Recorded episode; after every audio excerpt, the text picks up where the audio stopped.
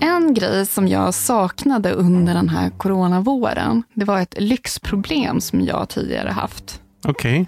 Just det här hur mycket skärmtid mina barn har.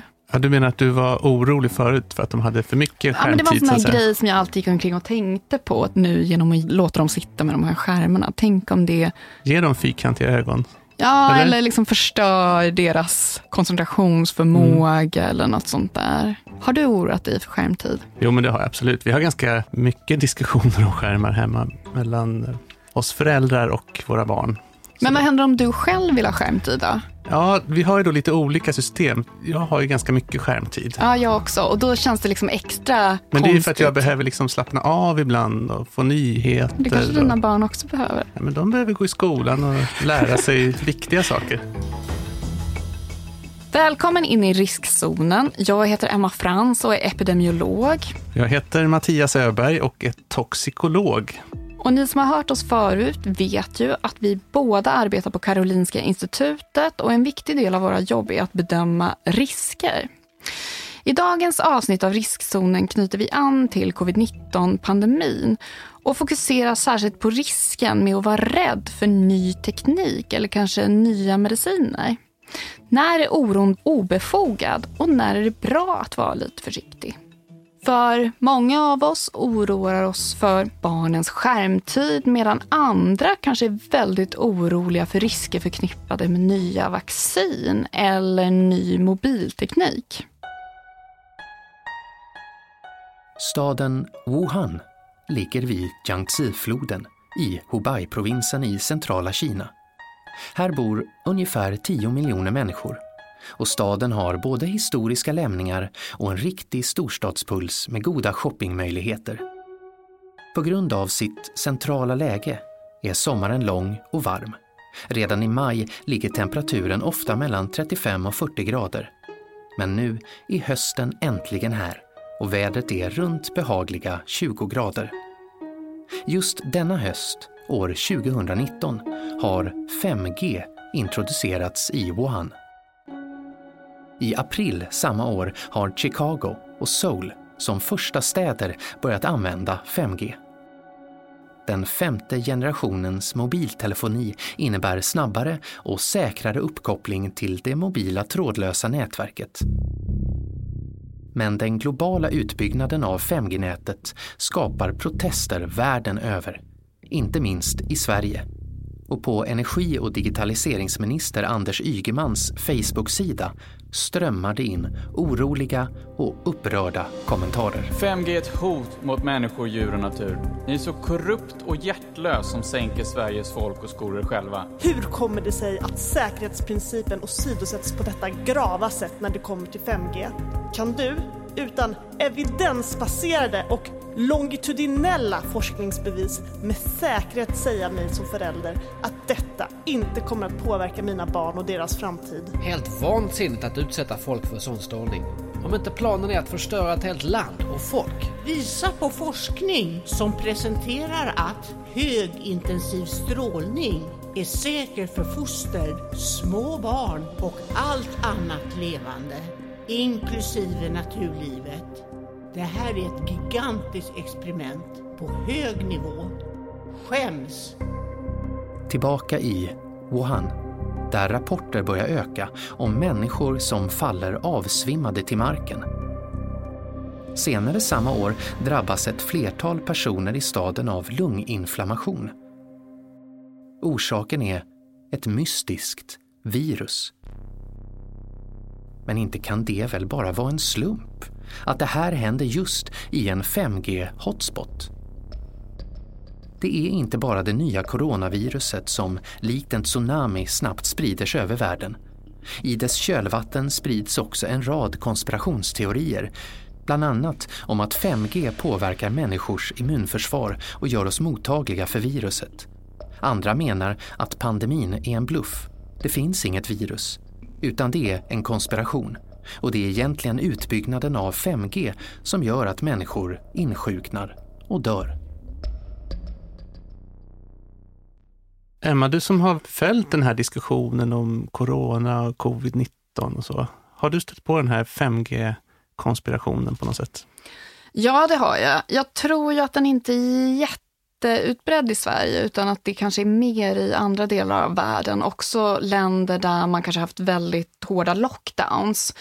Och nu tycker man liksom att viruset kommer tillbaka eller smittspridningen tar fart igen. Och då blir man väldigt misstänksam och tänker att ja, men det här det kanske inte är något virus. Men tror du att vi i Sverige liksom mindre benägna till konspirationsteorier än andra för att vi gillar ny teknik eller att vi har stor tilltro till myndigheter eller på något annat sätt bara jag tror att vi har en mindre teknikrädsla än vad man har i andra länder. Jag tror också att vi har just det här höga förtroendet som vi ändå har för myndigheter, att det också bidrar. Men samtidigt så finns det såna här typiskt svenska konspirationsteorier om Palmemordet till exempel. Det finns ju liksom helt absurda konspirationsteorier där man menar då att Palme aldrig blev mördad utan det här var liksom bara ett teatermord. Och att det fanns anledningar till att vilja göra sig av med Palme utan att han då skulle avgå. Det finns teorier om att han mm. hade aids och att det var därför. men vore jag konspirationsteoretiker så skulle jag tänka så här, men det är inte så konstigt att i Sverige har man liksom tryckt ner den här kunskapen om den stora konspirationen, för vi är beroende av, vi har mycket teknikföretag som helt enkelt styr regeringen och gör att vi inte får rätt information om riskerna. Mm, ja, så kan det också vara. Men det här med ny teknik, jag kan också känna att det, man känner inte riktigt till vad den kommer att förändra eller hur den fungerar. Och att det kan finnas en slags sundhet i att vara lite försiktig med att bara kasta sig ut. Ja, men det tror jag också. Man kanske inte behöver vara livrädd för ny teknik, men att ha ett lite, jag menar, jag är inte en sån här early adopter. Känner du till det begreppet? Alltså någon som är lite så här i front. Ja, ligger i framkant och är liksom väldigt snabba med att skaffa liksom den senaste inom... Men det vill väl forskare alltid vara, tror jag? Man vill vara cutting edge. Det kan man ju vara i sitt forskningsfält, men jag menar att man är inte en early adopter när det kommer till att gå ut och införskaffa saker. Eller jag är inte den som är snabbast med att eh, få in mina barn på den senaste appen eller senaste sociala plattformen. Utan är det de som man... drar, drar jo, dig precis. efter sig? Eller? Och så säger de så här, ja, men alla mina kompisar har redan den här och då kanske man börjar tänka, ja, ja kanske då, så att du inte hamnar utanför åtminstone. För man vill ju inte heller vara den som är sist på bollen. Nej.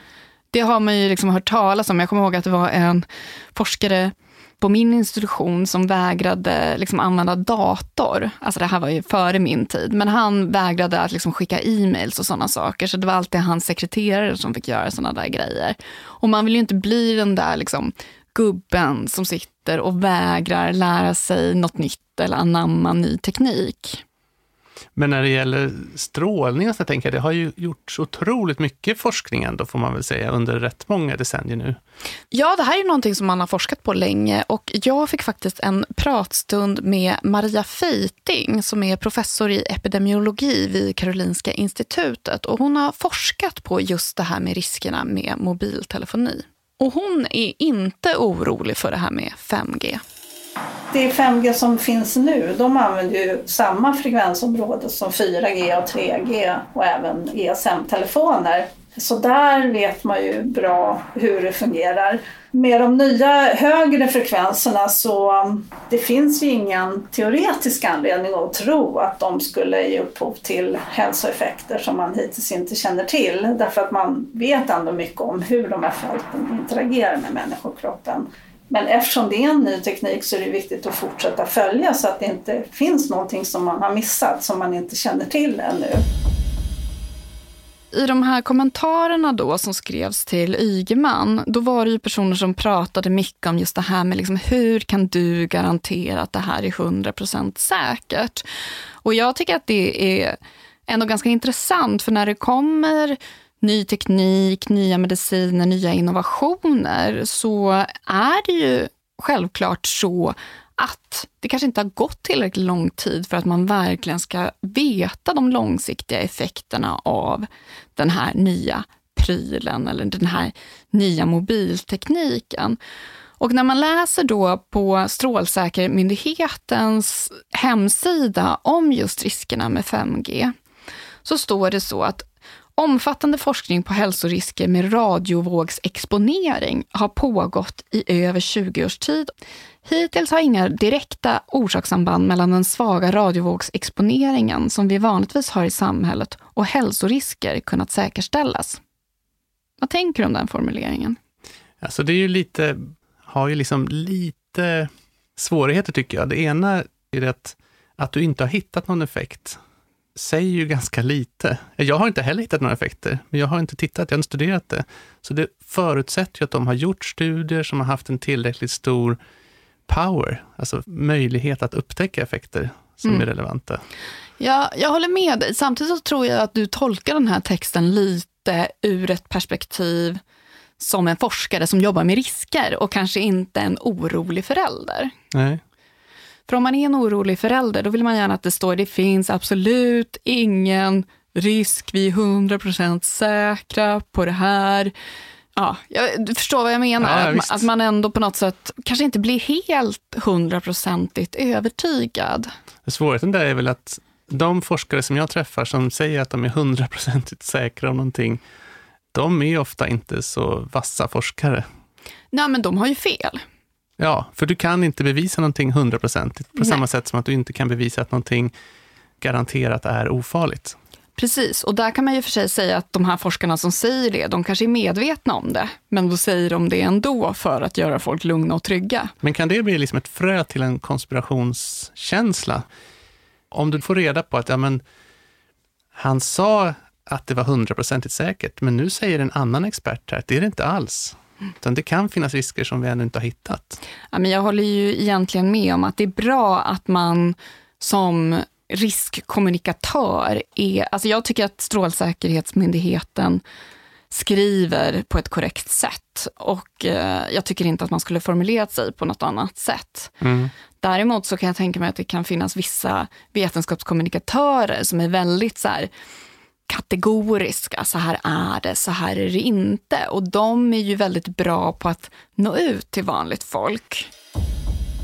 Vad tror du att det finns för risker med teknikrädsla? Så riskerna är ju att man stoppar upp eh, viktig utveckling och exempel här nu då med Corona och 5G som har lett till att eh, man bränner upp basstationer som kan leda till att eh, man inte kan använda sin mobil och kanske inte kan ringa till eh, 112 om man råkar ut för någonting därför att det inte finns någon täckning längre när man har förstört basstationerna. Eller också det finns risken att man eh, försöker att tillgodose tillgodose den här rädslan och sätter liksom gränsvärden för hur hög exponeringen får vara som inte alls är baserad på vetenskap utan mera på någon sorts politiska hänsyn som leder då till att man inte kan använda sin mobil så som är avsett, att man får dålig täckning och eh, inte kan nå viktiga samhällsfunktioner därför att man saknar mobiltäckning. Det är det som handlar om mobiler men generellt med teknik så blir det ju att man eh, hämmar viktig samhällsutveckling. Alltså som inte är grundat i vetenskap utan bara någon sorts teknikrädsla.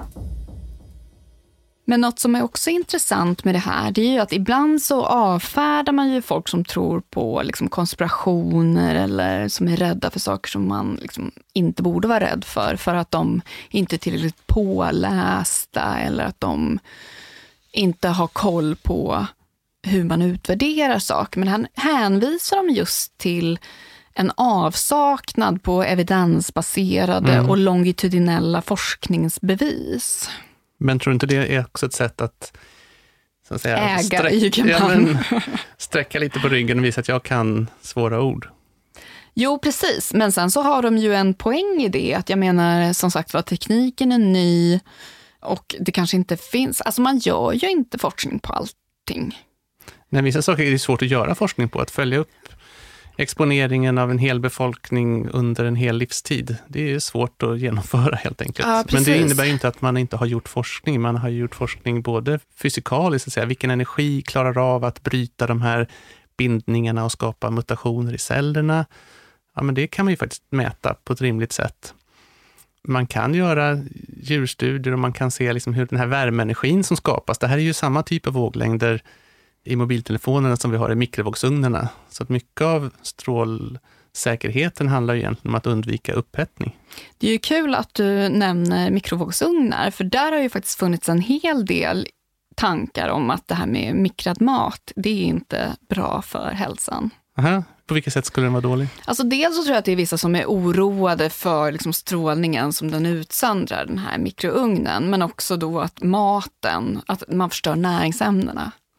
Jag minns någon gång när det kom, att man, man skulle inte stå och titta in på bullen Nej, när den precis. snurrade runt. Det helst var en betongvägg emellan. Ja, och sen så, ja, men det var det här med näringen också, att näringen det. försvann. Och det är ju faktiskt en myt.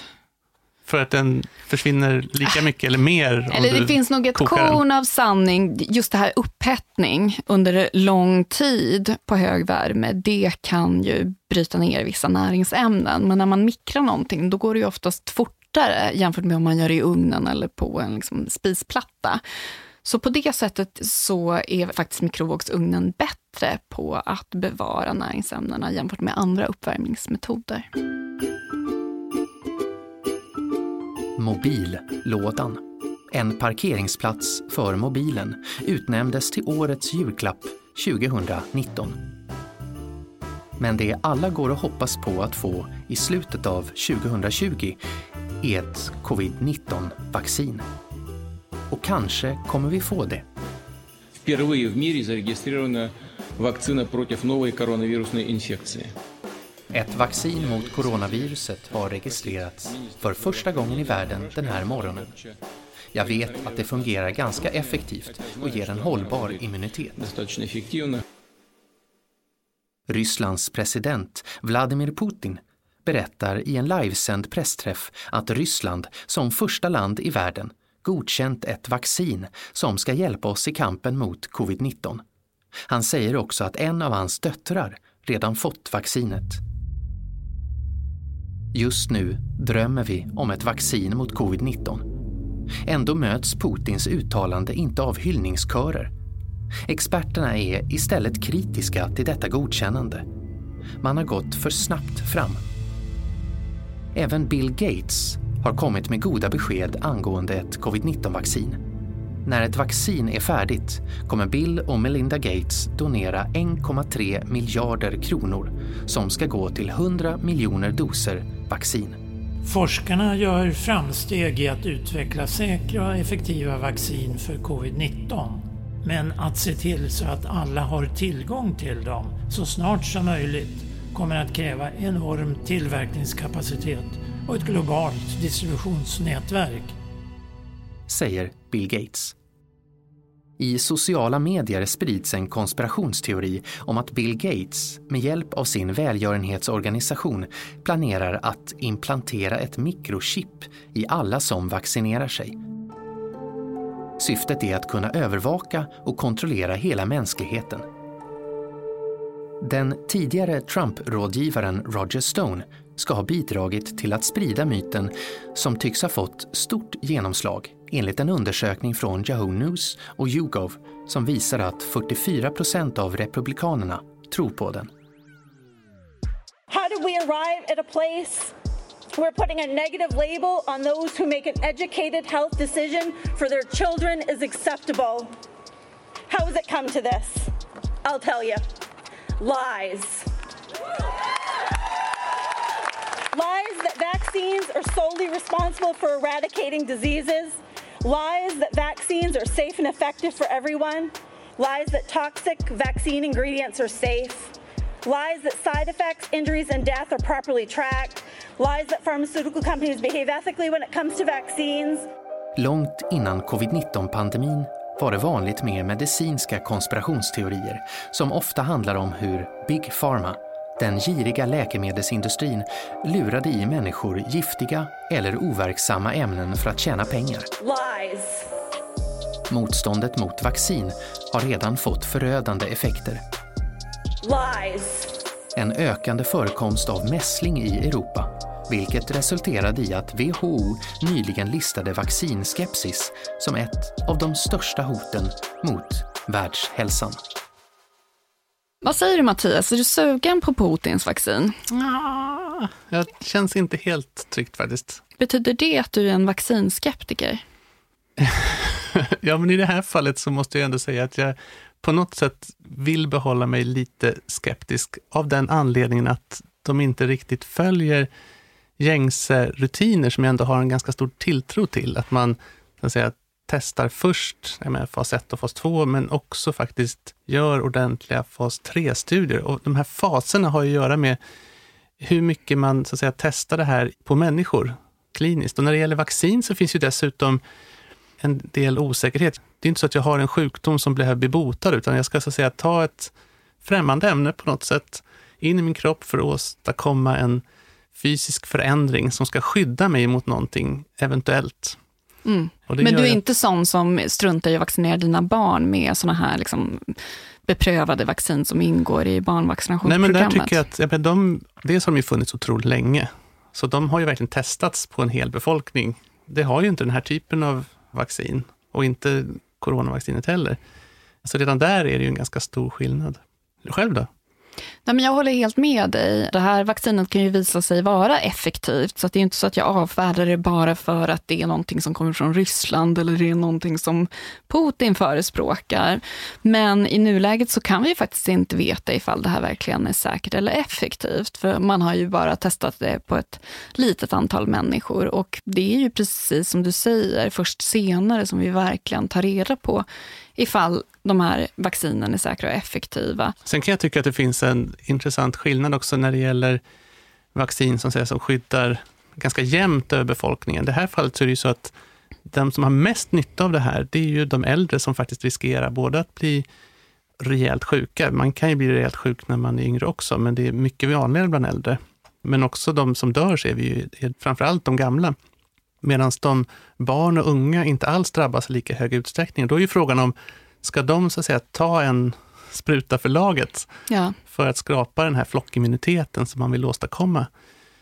Det beror ju lite på hur mycket man vet om säkerheten. Vet man att vaccinet är helt säkert, ja men då kanske finns en anledning att göra det, mm. för de här barnen blir ju också gamla en vacker dag. Mm.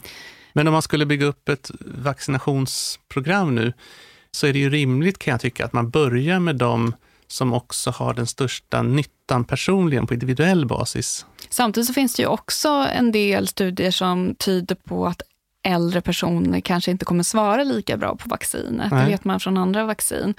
Och då blir det ju återigen, de kanske är en riskgrupp, men de kanske är också de som svarar sämre på mm. vaccinet. Så det är väldigt svåra frågor. Men sen så tycker jag ju ändå att det här är ett intressant exempel, för vi har ju under flera års tid nu pratat väldigt mycket om problemen med vaccinmotstånd. Mm. Men samtidigt så finns det ju också en rationalitet i att vara lite tveksam till nya behandlingar och nya vaccin. Ja, jag har en liten spaning där. Det är att de länder som idag har varit väldigt för så att säga, statlig lockdown, att ledningen för landet går ut och bestämmer de kanske också är mer benägna när vaccinet kommer att säga att ja, men det här är en skyldighet för alla våra medborgare att ta. Och tar du inte vaccinet så drar vi in dina rättigheter på något sätt. Medan länder som Sverige kanske då tenderar att vara med att ja, men vi rekommenderar personer i den här gruppen att ta vaccinet. Och så hoppas man på så sätt, precis som vi har sett när det gäller andra vacciner, att vi får en ganska hög vaccinationsgrad och behåller tilliten. Precis, och det är ju väldigt intressant för om man ser på andra delar av Europa så har man ju det här stora problemet med vaccinmotstånd medan i Sverige har vi inte alls det problemet utan ungefär 97 procent av alla barn genomgår barnvaccinationsprogrammet och det är utan att det här är obligatoriskt överhuvudtaget. Och det tror jag är liksom vaccinationsgrader som man inte ens kan drömma om i många andra delar av världen. This is just one of over a dozen fires targeting 5G towers in the Netherlands. And the country isn't alone. Cyprus, Belgium, and Ireland among those home to conspiracy theorists who believe 5G may have some connection to COVID 19. The UK has reported around 50 fires targeting towers and other 5G equipment. Media reports broadband engineers have been harassed on the job, sworn at, and yelled at by people taken in by the rumours. Nu pratar vi ju lite om de här liksom 5G-alarmisterna som liksom lite foliehattar och sådär. Men Kan inte du minnas att det ändå fanns en tid när mobiltelefonen var ny och man var ändå lite orolig för potentiella negativa hälsoeffekter? Det är nog någonting väldigt naturligt, tänker jag. Att är det någonting som jag inte har sett förut så kanske jag inte vill stå först i linjen. Ehm. Och just det där att man har strålning direkt mot huvudet också. Och man kan ju ibland känna hur varm man blir om kinden när man har haft en telefon. Ja, men det är liksom man funderade på. Blev jag varm för att jag tryckte telefonen mot ansiktet eller blev jag varm av själva strålningen? Och så läste man de här artiklarna att man kunde koka ägg genom att lägga två mobiltelefoner och ett ägg emellan och sådär. Oj, kan man det? Har du gjort det? Har du, har du inte testat det? Det gör jag alltid numera. Ja, okej. Okay. Ja, det kan vara praktiskt. Men jag tänker mig om man går vilse i skogen någon gång och behöver koka ett ägg. Och bara har två mobiltelefoner med sig. Nej, det är kanske inte så ofta det händer, om jag tänker efter. Men jag kommer att min pappa, han sa åt mig hela tiden att det var jätteviktigt att ha ett headset med sladd. Liksom. Som att man aldrig skulle ha den direkt mot huvudet. Och jag vet inte exakt vad det var som var liksom anledningen. Men det har ju varit väldigt mycket prat om just det här med hjärntumörer. Men hur ser det ut med riskerna för hjärntumörer och mobiltelefoner? Ja, men det här har faktiskt Maria Feiting forskat just på. Men det är inte helt lätt att studera de här sambanden för att det finns en del inbyggda problem här. Bland annat så är det att det här baseras på självrapporterad information ofta kring hur mycket man har använt sin mobil. Och om man är övertygad om att det finns ett samband kan det faktiskt påverka vad man rapporterar. Mm om man nu har fått en hjärntumör så är det självklart att man undrar varför just jag har drabbats och att man då söker information och så finns det diskussioner om mobiltelefoni och då börjar man tänka efter. Och många överskattar ju hur mycket man har pratat i mobilen och när man började prata i mobilen, det är många som rapporterar att de började prata i mobilen vid en tidpunkt när det inte ens fanns handhållna mobiler. Och det där är ju vanligare bland eh, de som har insjuknat i hjärntumör än jämfört med de friska kontrollerna. Så det är en aspekt. Men sen är det ju också att de som är insjuknat i hjärntumör, de försöker ju verkligen komma ihåg varenda gång de pratade i mobilen. Och kontrollerna har ju aldrig haft anledning att tänka på det där förrän de får frågan i den här intervjun man gör. Så att eh, de kan nog glömma bort en del av sin användning också. Men även då om det här med självrapportering är lite skakigt, så i och med att vi har börjat använda våra mobiltelefoner mycket mer så skulle man ju, om det finns ett samband, förvänta sig att antalet personer som får hjärntumörer skulle öka. Och just det frågade jag faktiskt Maria om.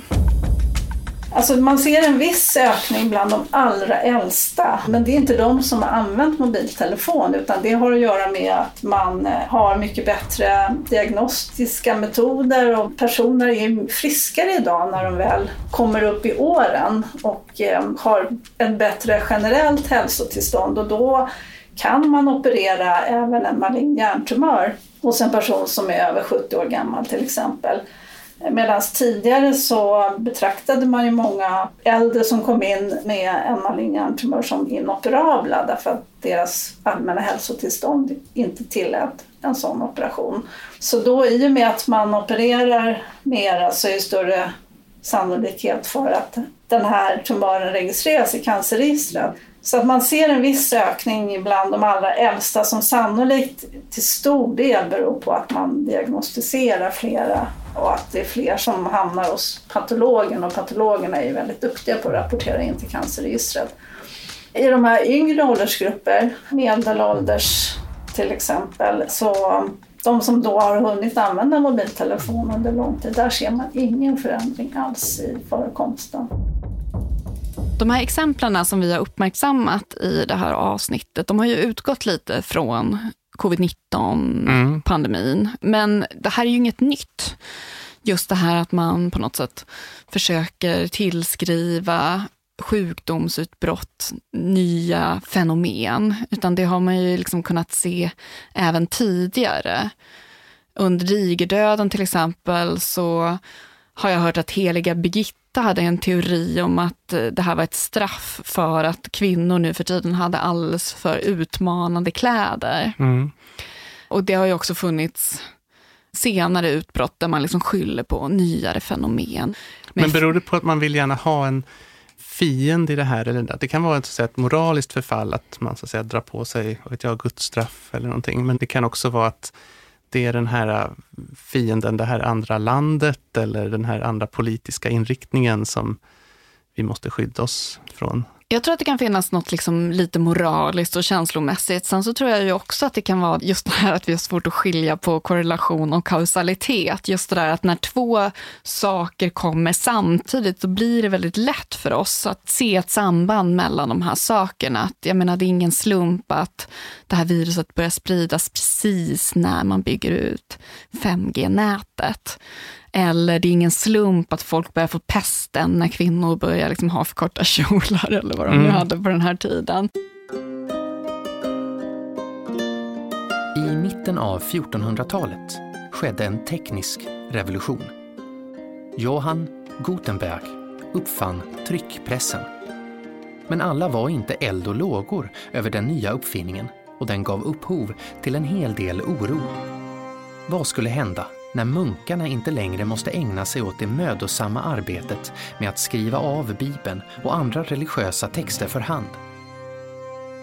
Skulle de bli lata och förtappade?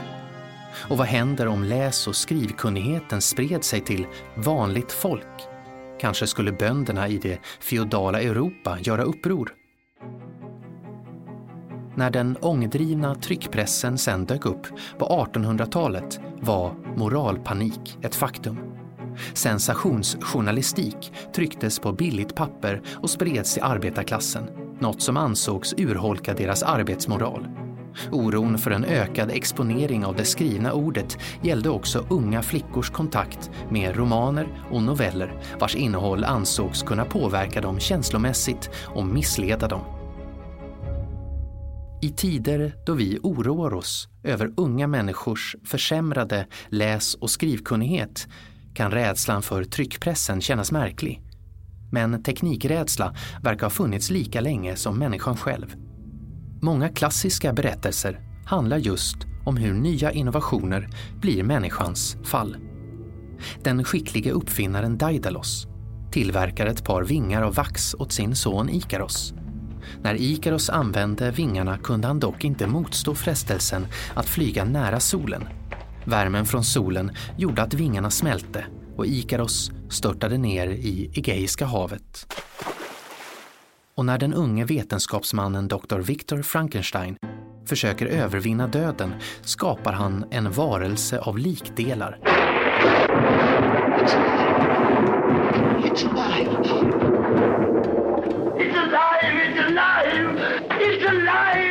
Men varelsen väcker skräck och fasa hos alla människor som kommer i dess väg och monstrets olycka väcker en vrede som slutar i ond, bråd död.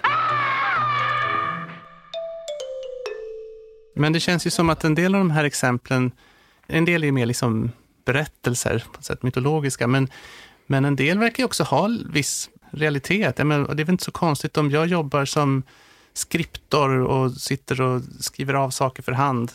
Och sen kommer någon, ja men jag kan göra det här 300 gånger snabbare. Ja men självklart. Det är klart att jag, jag menar, blir orolig. Det är, det är en befogad oro. Ja, absolut. Och jag menar, det är klart att det kanske... Alltså än så länge har ju ingen sån enskild uppfinning resulterat i liksom, människans utdöende. Det kan man ju ändå konstatera. Men, ja, men däremot så har det ju förändrat samhället väldigt mycket.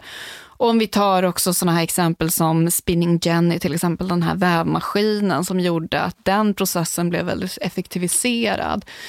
Då växte ju den här oron om att man skulle bli av med jobben och att maskinerna skulle ta över. Ja, precis. Och då förstörde man också de här, man saboterade de här maskinerna. Och det är precis samma sak vi ser idag. Att människor är väldigt oroade för att AI kommer stjäla våra jobb. Jag läste senast igår, då var det en sån här text, jag tror att det var i The Guardian, som var helt genererad av någon sorts AI. Var den bra? Nej men alltså det är ändå, man häpnar lite om man tänker, ja men det är i alla fall inte, ja det är liksom precis bakom hörnet att många liksom av den typen av jobb faktiskt kommer bli ersatta. Sen så bygger ju i och för sig de här AI-metoderna på att man faktiskt tankar in data. Mm. Och det datat måste ju komma någonstans ifrån. Så de, de kommer här... från din telefon när den ligger här på bordet och spelar in allt du säger? ja.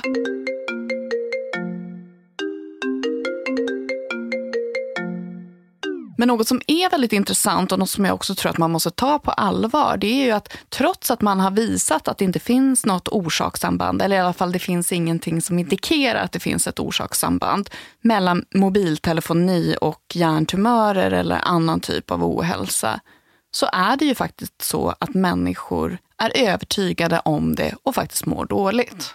Känner du till det här begreppet nocebo? Ja, det är lite som placebo, fast inte riktigt. Ja, eller tvärtom kan man nästan säga. Liknande mekanism, men om placebo då handlar om att man mår bättre för att man förväntar sig att man ska må bättre, så handlar det här om att faktiskt man mår sämre om man tror att någonting ska göra en sjuk.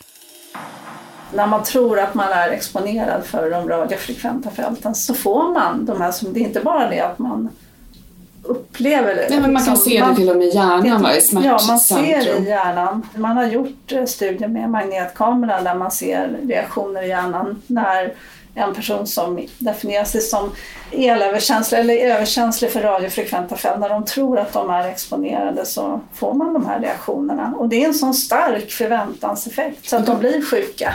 Då kan man ju nästan förstå att de blir provocerade när en forskare kommer och säger att nej men det här är ingenting som orsakar negativa hälsoutfall.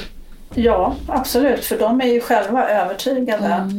Och de får ju det här bekräftat hela tiden. För de säger ju själva då att alltså jag får symptom och så tittar jag mig omkring och då ser jag ju att det är en basstation där. För dem är det en bekräftelse på att det var den där basstationen som orsakade symptomen. Men jag har kommunicerat ibland eh, så att, eh, men säg att du inte har några symptom alls, du känner dig helt frisk och bra. Om du då ser dig omkring så är det stor sannolikhet att du då också ser en basstation. Det är bara det att enda gången du tittar efter det är när du upplever de här symptomen.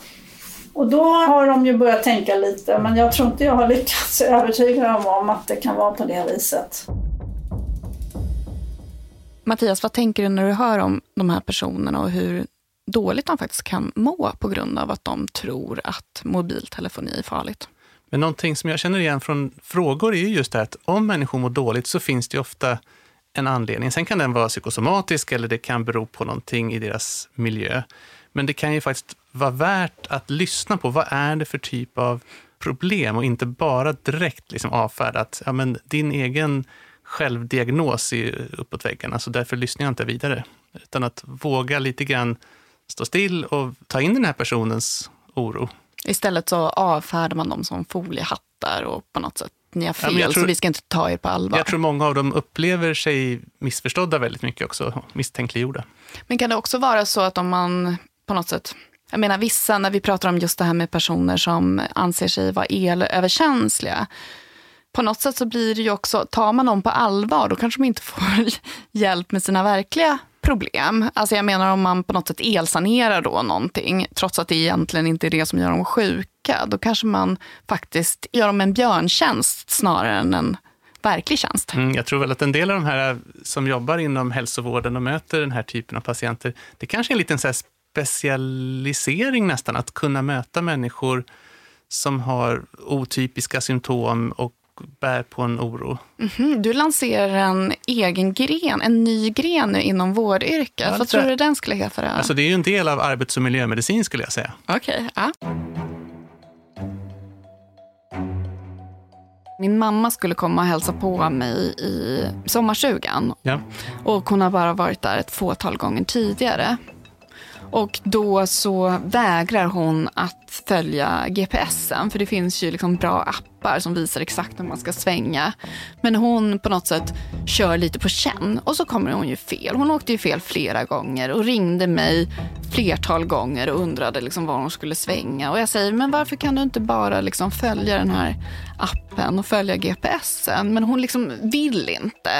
Och hon liksom på något sätt känner, jag behöver inte den här nya. Men på något sätt så blir ju hennes liv mycket, mycket krångligare för att hon vägrar ta till sig den här nya tekniken. Vänta bara, den dagen när det här GPS-systemet stängs ner eller det händer någonting, så då, hit, Ja, då är är hon den jag enda som hittar. Du Ja, då är jag liksom. körd.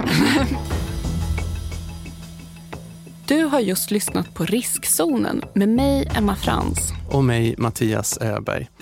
Vi vill jättegärna veta vad du tycker och tänker om risker. Gå in på vår Facebook-sida och berätta om du har några nya tankar om begreppet risk. På riskzonens Facebook-sida har vi också lagt ut länkar, bilder och annat som du kan följa. Att du slipper höra reklam i podden beror inte på någon hemlig konspiration utan på att vi har fått ekonomiskt stöd från forskningsrådet Formas. Superstort tack för det. Inspelningen av just det här avsnittet gjordes i en studio i Stockholm som heter Beppo. Producenten var som alltid Klara Wallin och inläsare Peter Öberg. Nästa vecka tar vi upp en händelse som har kommit att prägla hur vi svenskar ser på risker och hot. Terrorattentatet på Drottninggatan. Men nu spärrar vi av riskzonen för idag. Hej då! Hej då!